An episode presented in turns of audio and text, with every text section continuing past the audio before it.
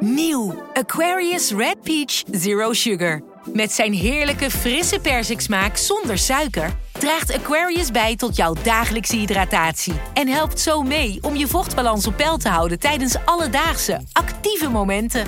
Thuis, op het werk of onderweg. Ook verkrijgbaar in smaken lemon en orange. Probeer hem nu. Bij een juridisch conflict kun je het gevoel krijgen dat je in een rollercoaster bent beland. Je wereld staat op zijn kop en je bent de controle even helemaal kwijt. Dan is het fijn als je bent verzekerd bij ARAG. Daar werken topjuristen en advocaten die je begrijpen. Die een stap extra voor je zetten. En je het gevoel van controle teruggeven. Met kennis en informatie, met heldere uitleg en met gericht advies. ARAG, juridisch probleemoplossers. Niet schrikken. Je hoort een andere stem. Vanaf vandaag zullen jullie ook mij, Floorboon, geregeld horen als presentator van vandaag. Ik heb er zin in. Eerst een vraag aan jou. Waar luister jij je podcasts? Hoe vind je ze? En welke vind je goed, bijzonder of belangrijk? Onze nieuwe app NRC Audio helpt je de beste podcast te ontdekken. Van NRC, van Nederland, van over de hele wereld. Ik raad je alvast onze eigen podcast Cocaïnekoorts aan, waarin misdaadverslaggever Jan Mees je meeneemt in het leven van Ridouan Taghi. NRC Audio is gratis te downloaden in alle appstores. Dan gaan we nu beginnen met mijn eerste vandaag. Vanaf de redactie van NRC het verhaal van vandaag. Mijn naam is Floor Boon.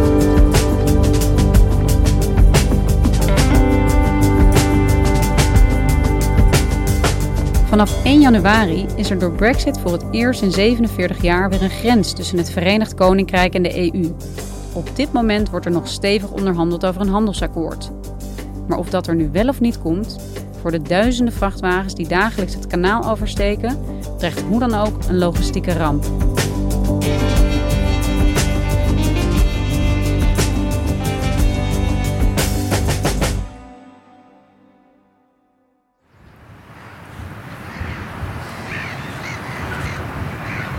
Een rustige dag, zonnig. De kust van het Engelse graafschap Kent is bijzonder. Je hebt de zee en uit de zee, uit het niets, verrijst eigenlijk ja, hoge kliffen, 100 meter hoog. De beroemde krijtrotsen van, van Dover. Aan de horizon is nog net een streepje van de Franse kust zichtbaar. En als je recht naar beneden kijkt, zie je de haven van Dover. Melle Garschagen doet als correspondent al jaren verslag vanuit het Verenigd Koninkrijk en Ierland. En ik ben daar gaan zitten. Het was een, eh, een lekkere najaarsdag, dus ik heb daar gewoon een paar uur zitten kijken naar die haven. De donkere schimmen van, van olietankers en uh, bulk carriers en containerschepen die door het kanaal trekken. En op een gegeven moment kreeg ik door, ik, ik kijk hier niet naar internationale handel. Ik kijk hier niet naar vrachtwagens en uh, schepen. Ik kijk hier naar ballet. Ballet op een podium. Ballet op een podium. Ballet op een podium, want alles beweegt zo sierlijk. De vrachtwagens komen uh, de haven binnenrijden en draaien met een hele langzame, mooie bocht richting uh, de check-in van de, de rederijen. En dan draaien ze verder en dan komen ze uit bij een parkeerplaats en daar wachten ze eventjes. En tegelijkertijd draaien andere vrachtwagens even sierlijk in de tegenovergestelde richting langs de paspoortcontrole. Richting de snelweg en dan verdwijnen ze het Engelse land in. Maar het podium is krap, want die dans die past allemaal maar net. In de paar uur dat ik er was, waren er twee kleine akkefietjes. Uh, op een gegeven moment uh, had een vrachtwagenchauffeur de bocht verkeerd ingeschat. En hij kwam klem te zitten. Ja, en dan ontstaat er meteen een lange file. En op een gegeven moment kwamen er drie veerboten tegelijk uh, aanzetten vanuit Frankrijk. Ja, en er paste maar eentje tegelijk uh, in de haven om die bocht te draaien. Uh, dus ja, die twee anderen moesten buitengaat een half uur doelloos ronddobberen totdat het andere schip was aangelegd.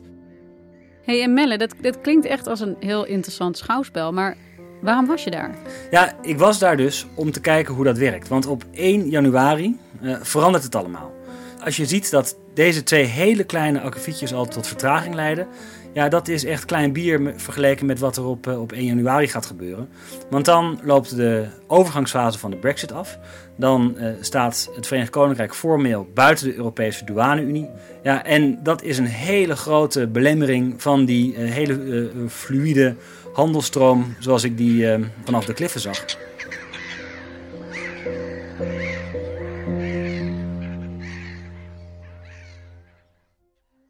Laten we eventjes daar naartoe gaan, want um, heel eerlijk gezegd, misschien door corona en, en dan heel recent ook door de Amerikaanse verkiezingen, is voor, uh, ja, voor veel mensen misschien Brexit een klein beetje op de achtergrond geraakt. Um, hoe staat het daar nu precies voor? Ja, je hebt helemaal gelijk. Hij is een beetje uh, op de achtergrond geraakt. En ik moet eerlijk bekennen dat ik zelf de afgelopen dagen ook veel meer CNN heb gekeken dan uh, het Lagerhuis heb gevolgd. Maar op dit moment wordt driftig onderhandeld tussen de Britten en de Europese Unie over een nieuw handelsakkoord. En als dat rondkomt, zou dat uh, ja, begin volgend jaar moeten ingaan. En dat is zeker van groot belang. Tegelijkertijd, ook al is er een handelsakkoord, dat betekent nog steeds dat het Verenigd Koninkrijk buiten de interne markt staat, buiten de douane-Unie. Dus dat je nog steeds wel gewoon douanecontroles nodig hebt. En dat betekent dat die duizenden vrachtwagens die per dag op uh, die 100 veerboten die aankomen, gecontroleerd moeten worden. Je krijgt voor het eerst sinds het wegvallen van de Europese binnengrenzen weer een douanegrens tussen het Verenigd Koninkrijk en de Europese Unie. Duizenden vrachtwagens per dag, zeg je. En wat gaat er dan mee gebeuren? Wat gaat er veranderen? Nou ja, om te beginnen is er heel veel papierwerk dat uh, ingevuld moet worden. Om straks die douanegrens over te steken met een, met, met, een vrachtwagen of met een lading, heb je een, een invoer- of een uitvoerverklaring nodig. Uh, Britse expeditiebedrijven uh, schatten dat, uh, dat ze jaarlijks 400 miljoen van dat soort papiertjes moeten invullen. En dat is weer werk dat ze uitbesteden aan, aan kleine bedrijfjes. Maar dat brengt wel een kostenpost met zich mee van, van 13 miljard pond per jaar. Dat is dus 13 miljard pond, een, een kostenpost uit het niets. En je krijgt ook gewoon logistieke checks. En ik sprak laatst met een, een handelaar in, in Ierland. En hij zei van ja, die douanecontroles die zijn echt wel stevig. Het hangt een beetje vanaf wat, wat, wat voor een uh, uh, lading een vrachtwagen heeft. Uh, maar als het iets is wat mogelijk ehm, ja, gevoelig is, zoals landbouwproducten of, of vleeswaren, ja, dan kan zo'n controle makkelijk ehm, een paar uur tot 24 uur duren. Dus je moet je voorstellen, een vrachtwagen die nu gewoon woesh doorrijdt, staat straks misschien een, een etmaal stil. hey, en dit klinkt eigenlijk precies als wat de Brexiteers en de felste Brexiteers zo tegenstond aan de Europese Unie. Regels, regels, regels. Ja, precies. En dat is misschien wel het ironische dat de Brexiteers in hun drang om de Europese uitgang op te zoeken uh, juist omdat ze ideologisch uh, ja, vrijhandel willen drijven en, en, en minder regels willen. En Brussel als een stel uh, regeltjes fetischisten zagen. Dat ze nu verzanden in eindeloze procedures en flowcharts en een papiermolen om dat maar te bewerkstelligen. En als je dan beluistert wat, wat ministers daarover zeggen, dan is het iets van ja, maar we moeten even door de pijn heen bijten voordat we de vruchten van de Brexit kunnen plukken. And there will be, there will be, let's you know, be clear about this. Under no deal, there would be some short term disruption. It's certainly the case that there will be bumps in the road, some element of disruption in the event of no deal. But some of the concerns about a no deal Brexit have been exaggerated. And whatever the bumps in the road ahead, I know that we will succeed. Nou ja, dat is dus uh, weer een toekomstperspectief bieden, um, maar niet duidelijk zeggen uh, hoe je daar ooit belandt. Dus op 1 januari is Brexit, waar we al heel lang met elkaar eigenlijk naar uitkijken, een feit. En jij zegt daar in Dover, in het graafschap Kent, daar zien we eigenlijk wat de gevolgen zullen zijn. Ja, nou, de gevolgen zie je op, op veel meer plekken, maar het graafschap Kent, is een, ja, is een logistiek, uh, logistieke hotspot. Um, en wat een grote vrees is, is dat die douanecontroles aan beide kanten ervoor zorgen dat die handel uh, over het kanaal, die in de haven van Dover maar net past, ja, dat die grote vertraging gaat oplopen. Dat er files gaan ontstaan, dat er opstoppingen ontstaan. Uh, dat um, ja, dat, dat, dat uh, de dienstregeling van de veerboten in de war raakt. En dat Kent dus um, verstopt raakt. Um, en uh, ook vorig jaar, toen, toen over de scheiding werd onderhandeld, eh, werd gewaarschuwd: als het misloopt, als er een no-deal komt, kan je lege schappen krijgen in de winkels. Some of Britain's biggest retailers say they're extremely concerned that their customers will be among the first to experience the realities of a no deal Brexit. En dat werd toen een beetje afgedaan als wat een onzin. The idea that we won't have food available is a nonsense. It's not, you know, wartime here we're talking about. Maar hey, toen kwam corona en opeens was uh, vanaf maart tot half april uh, kon je in de supermarkten hier geen uh, wc-rol of pak pasta krijgen. Dus in die zin denk ik dat er, dat er wel wat meer ja, bewustzijn is dat als het misgaat, dat het ook meteen concrete gevolgen kan hebben. Most minis are built here in Oxford with components from an international supply chain. Uh, als je bijvoorbeeld kijkt naar de fabrieken in, uh, in Engeland die, die auto's maken. Parts of the engine crisscross the English Channel three times. Die gebruiken onderdelen die weer uit de Europese Unie komen. There could be a 10% tax every time it crosses the border. Hun, hele productieketen raakt in de soep. En ja, die zorgen van het bedrijfsleven zijn enorm groot. Dat proberen ze ook uh, vaak aan te kaarten bij, bij Boris Johnson en de regering. En tot nu toe krijg ik de indruk uit het bedrijfsleven... is dat, ze, dat zij zich niet heel erg serieus genomen voelen. hey, en zie jij daarin Kent dat het Verenigd Koninkrijk zich aan het voorbereiden is... op die nieuwe douanecontroles? Ja, uh, Kent is de tuin van Engeland. Het is uh, het graafschap waar, waar, de aardbeien vandaan komen in de zomer. Uh, ik reed nu langs velden vol knaloranje pompoenen. Kennelijk was de, de pompoenverkoop met Halloween viel een beetje tegen. Um, dus het, het, is een, het is een prachtig landschap. Maar wat de Britten hebben bedacht, is dat ze in de haven van Dover geen ruimte hebben om ja, uh, douanefaciliteiten te bouwen of een grote parkeerplaats aan te leggen, omdat het zo pal onder die kliffen ligt. Er is gewoon, er is gewoon simpelweg geen ruimte tenzij je het uh, uh, ja, land gaat opspuiten in het kanaal. Dus wat ze hebben bedacht is een kilometer of twintig van de haven af. Hebben ze in het hele mooie Engelse land, glooiende heuvels, paardenfokkerijen, mooie boerderijtjes hebben ze weilanden opgekocht. En daar zijn ze druk aan het bouwen. Uh, om daar een gigantische parkeerplaats te maken waar al die vrachtwagens, uh, als de handel vastloopt, uh, kunnen wachten. En waar tegelijkertijd ook de douanecontroles plaats kunnen vinden. Dus die prachtige tuin van Engeland, zoals ze het noemen daar, die zie jij voor je ogen en voor de ogen van de Britse bevolking veranderen in een grote parkeerplaats.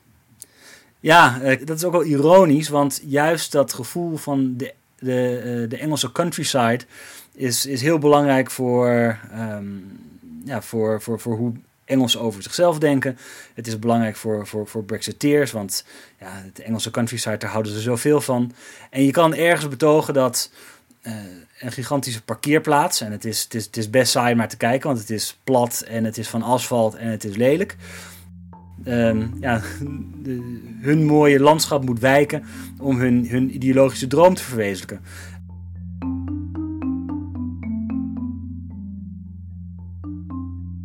En heb je enig idee hoe het met de EU staat? Ik bedoel, jij kijkt natuurlijk, hè, jij bent de correspondent van uh, Groot-Brittannië, jij kijkt daar. Maar uh, gaat het aan de andere kant wel goed, denk je?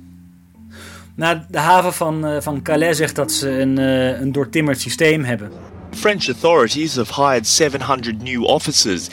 En dat het uh, in ieder geval niet aan hun kant uh, fout zou gaan. And spent some 600 million euros to build new infrastructure at the port. En uh, de opperonderhandelaar aan de Europese kant, Michel Barnier, die zegt de hele tijd van ja, de, de, de tijd schrijdt voort. De klok is ticking. De klok is ticking. En laten we dit in hemelsnaam ja, goed regelen. Maar dat zijn, dat, dat zijn de geluiden die je al, ja, eigenlijk al jaren hoort. Kijk, het Verenigd Koninkrijk en de Britse regering vooral doet iets wat ze eigenlijk al uh, vier jaar lang uh, doen tijdens de Brexit-onderhandelingen. After 45 years of membership, they are not willing to offer this country the same terms as Canada. Ze zijn heel bekwaam in zelf iets veroorzaken en dan de schuld afschuiven op de Europese Unie. They want the continued ability to control our legislative freedom, our fisheries in a way that is completely unacceptable to an independent country. Maar de Europese Unie zegt van ja, hallo, jullie hebben voor die Brexit gekozen. Dus ja, vanaf 1 januari gaan wij de douanegrens controleren. Geen uitzonderingen, geen mitsen, geen maren.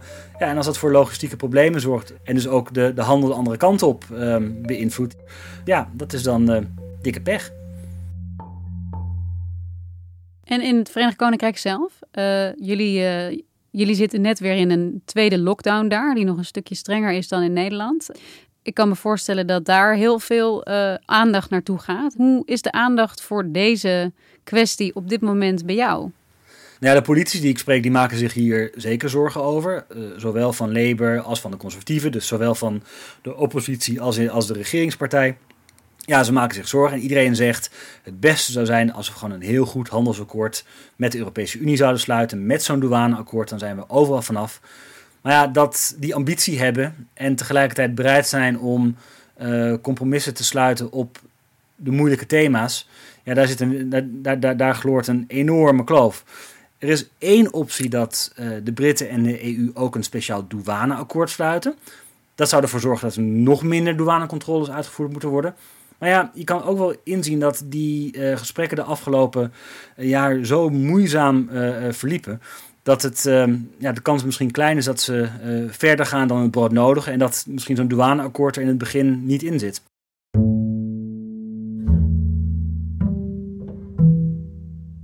Hey, en wat denk jij? Je, het is nu uh, begin november. tot nu toe was ook voor jou corona een heel erg belangrijk thema. Zal het vooral weer Brexit gaan worden vanaf nu? Ik denk dat het een, een combinatie wordt. Ik denk dat, dat, dat je de, de realiteit in de wereld niet kan ontkoppelen van de politiek. Uh, Johnson's politieke lot zal verbonden zijn met de Brexit, met corona en met de economie. En misschien is het juist in de economie waar uh, corona en de Brexit zo samenkomen. Ehm, kijk, als het Verenigd Koninkrijk een, een, een lange recessie te wachten staat en het is duidelijk dat die erger is dan in de Europese Unie, omdat ze ook nog het Brexit-effect moeten, moeten verwerken, ja, dan, dan heeft Boris Johnson heel wat uit te leggen. Aan de andere kant kan je misschien ook wel zeggen dat, dat, dat corona een soort rookgordijn is, waardoor je de Brexit-schade minder merkt. Um, als de rest van de Europese Unie uh, in normale omstandigheden gewoon uh, economisch prima presteerde en de Britse economie zakte weg, ja, dan had je kunnen zeggen van kijk, het komt door de Brexit. Um, maar misschien dat, dat je nu een situatie krijgt waar het heel moeilijk is voor economen om te zeggen welk deel van uh, werkloosheid of krimp door corona veroorzaakt wordt en welk deel door, ja, door het uittreden. Ja, waar ga jij eigenlijk naartoe op 1 januari? Weet je dat al? Ga je naar Dover misschien? Ja, 1 januari is een, is, is een feestdag, dus dan zal het rustig zijn. En daarna volgt een weekend. Maar op de eerste dag van het, uh, op de eerste werkdag van het nieuwe regime zal ik zeker uh, ergens gaan kijken. En ik denk dat ik uh, weer mijn klapstoeltje meeneem naar de, de White Cliffs of Dover. En ga kijken naar het ballet onder mij. Dan ben ik erg benieuwd of het even soepel en indrukwekkend is als, ja, als onlangs. Of dat ik eigenlijk kijk naar allemaal dansers die, die stilstaan op elkaar te wachten. Ik ben heel benieuwd. Dankjewel, Melle. Graag gedaan.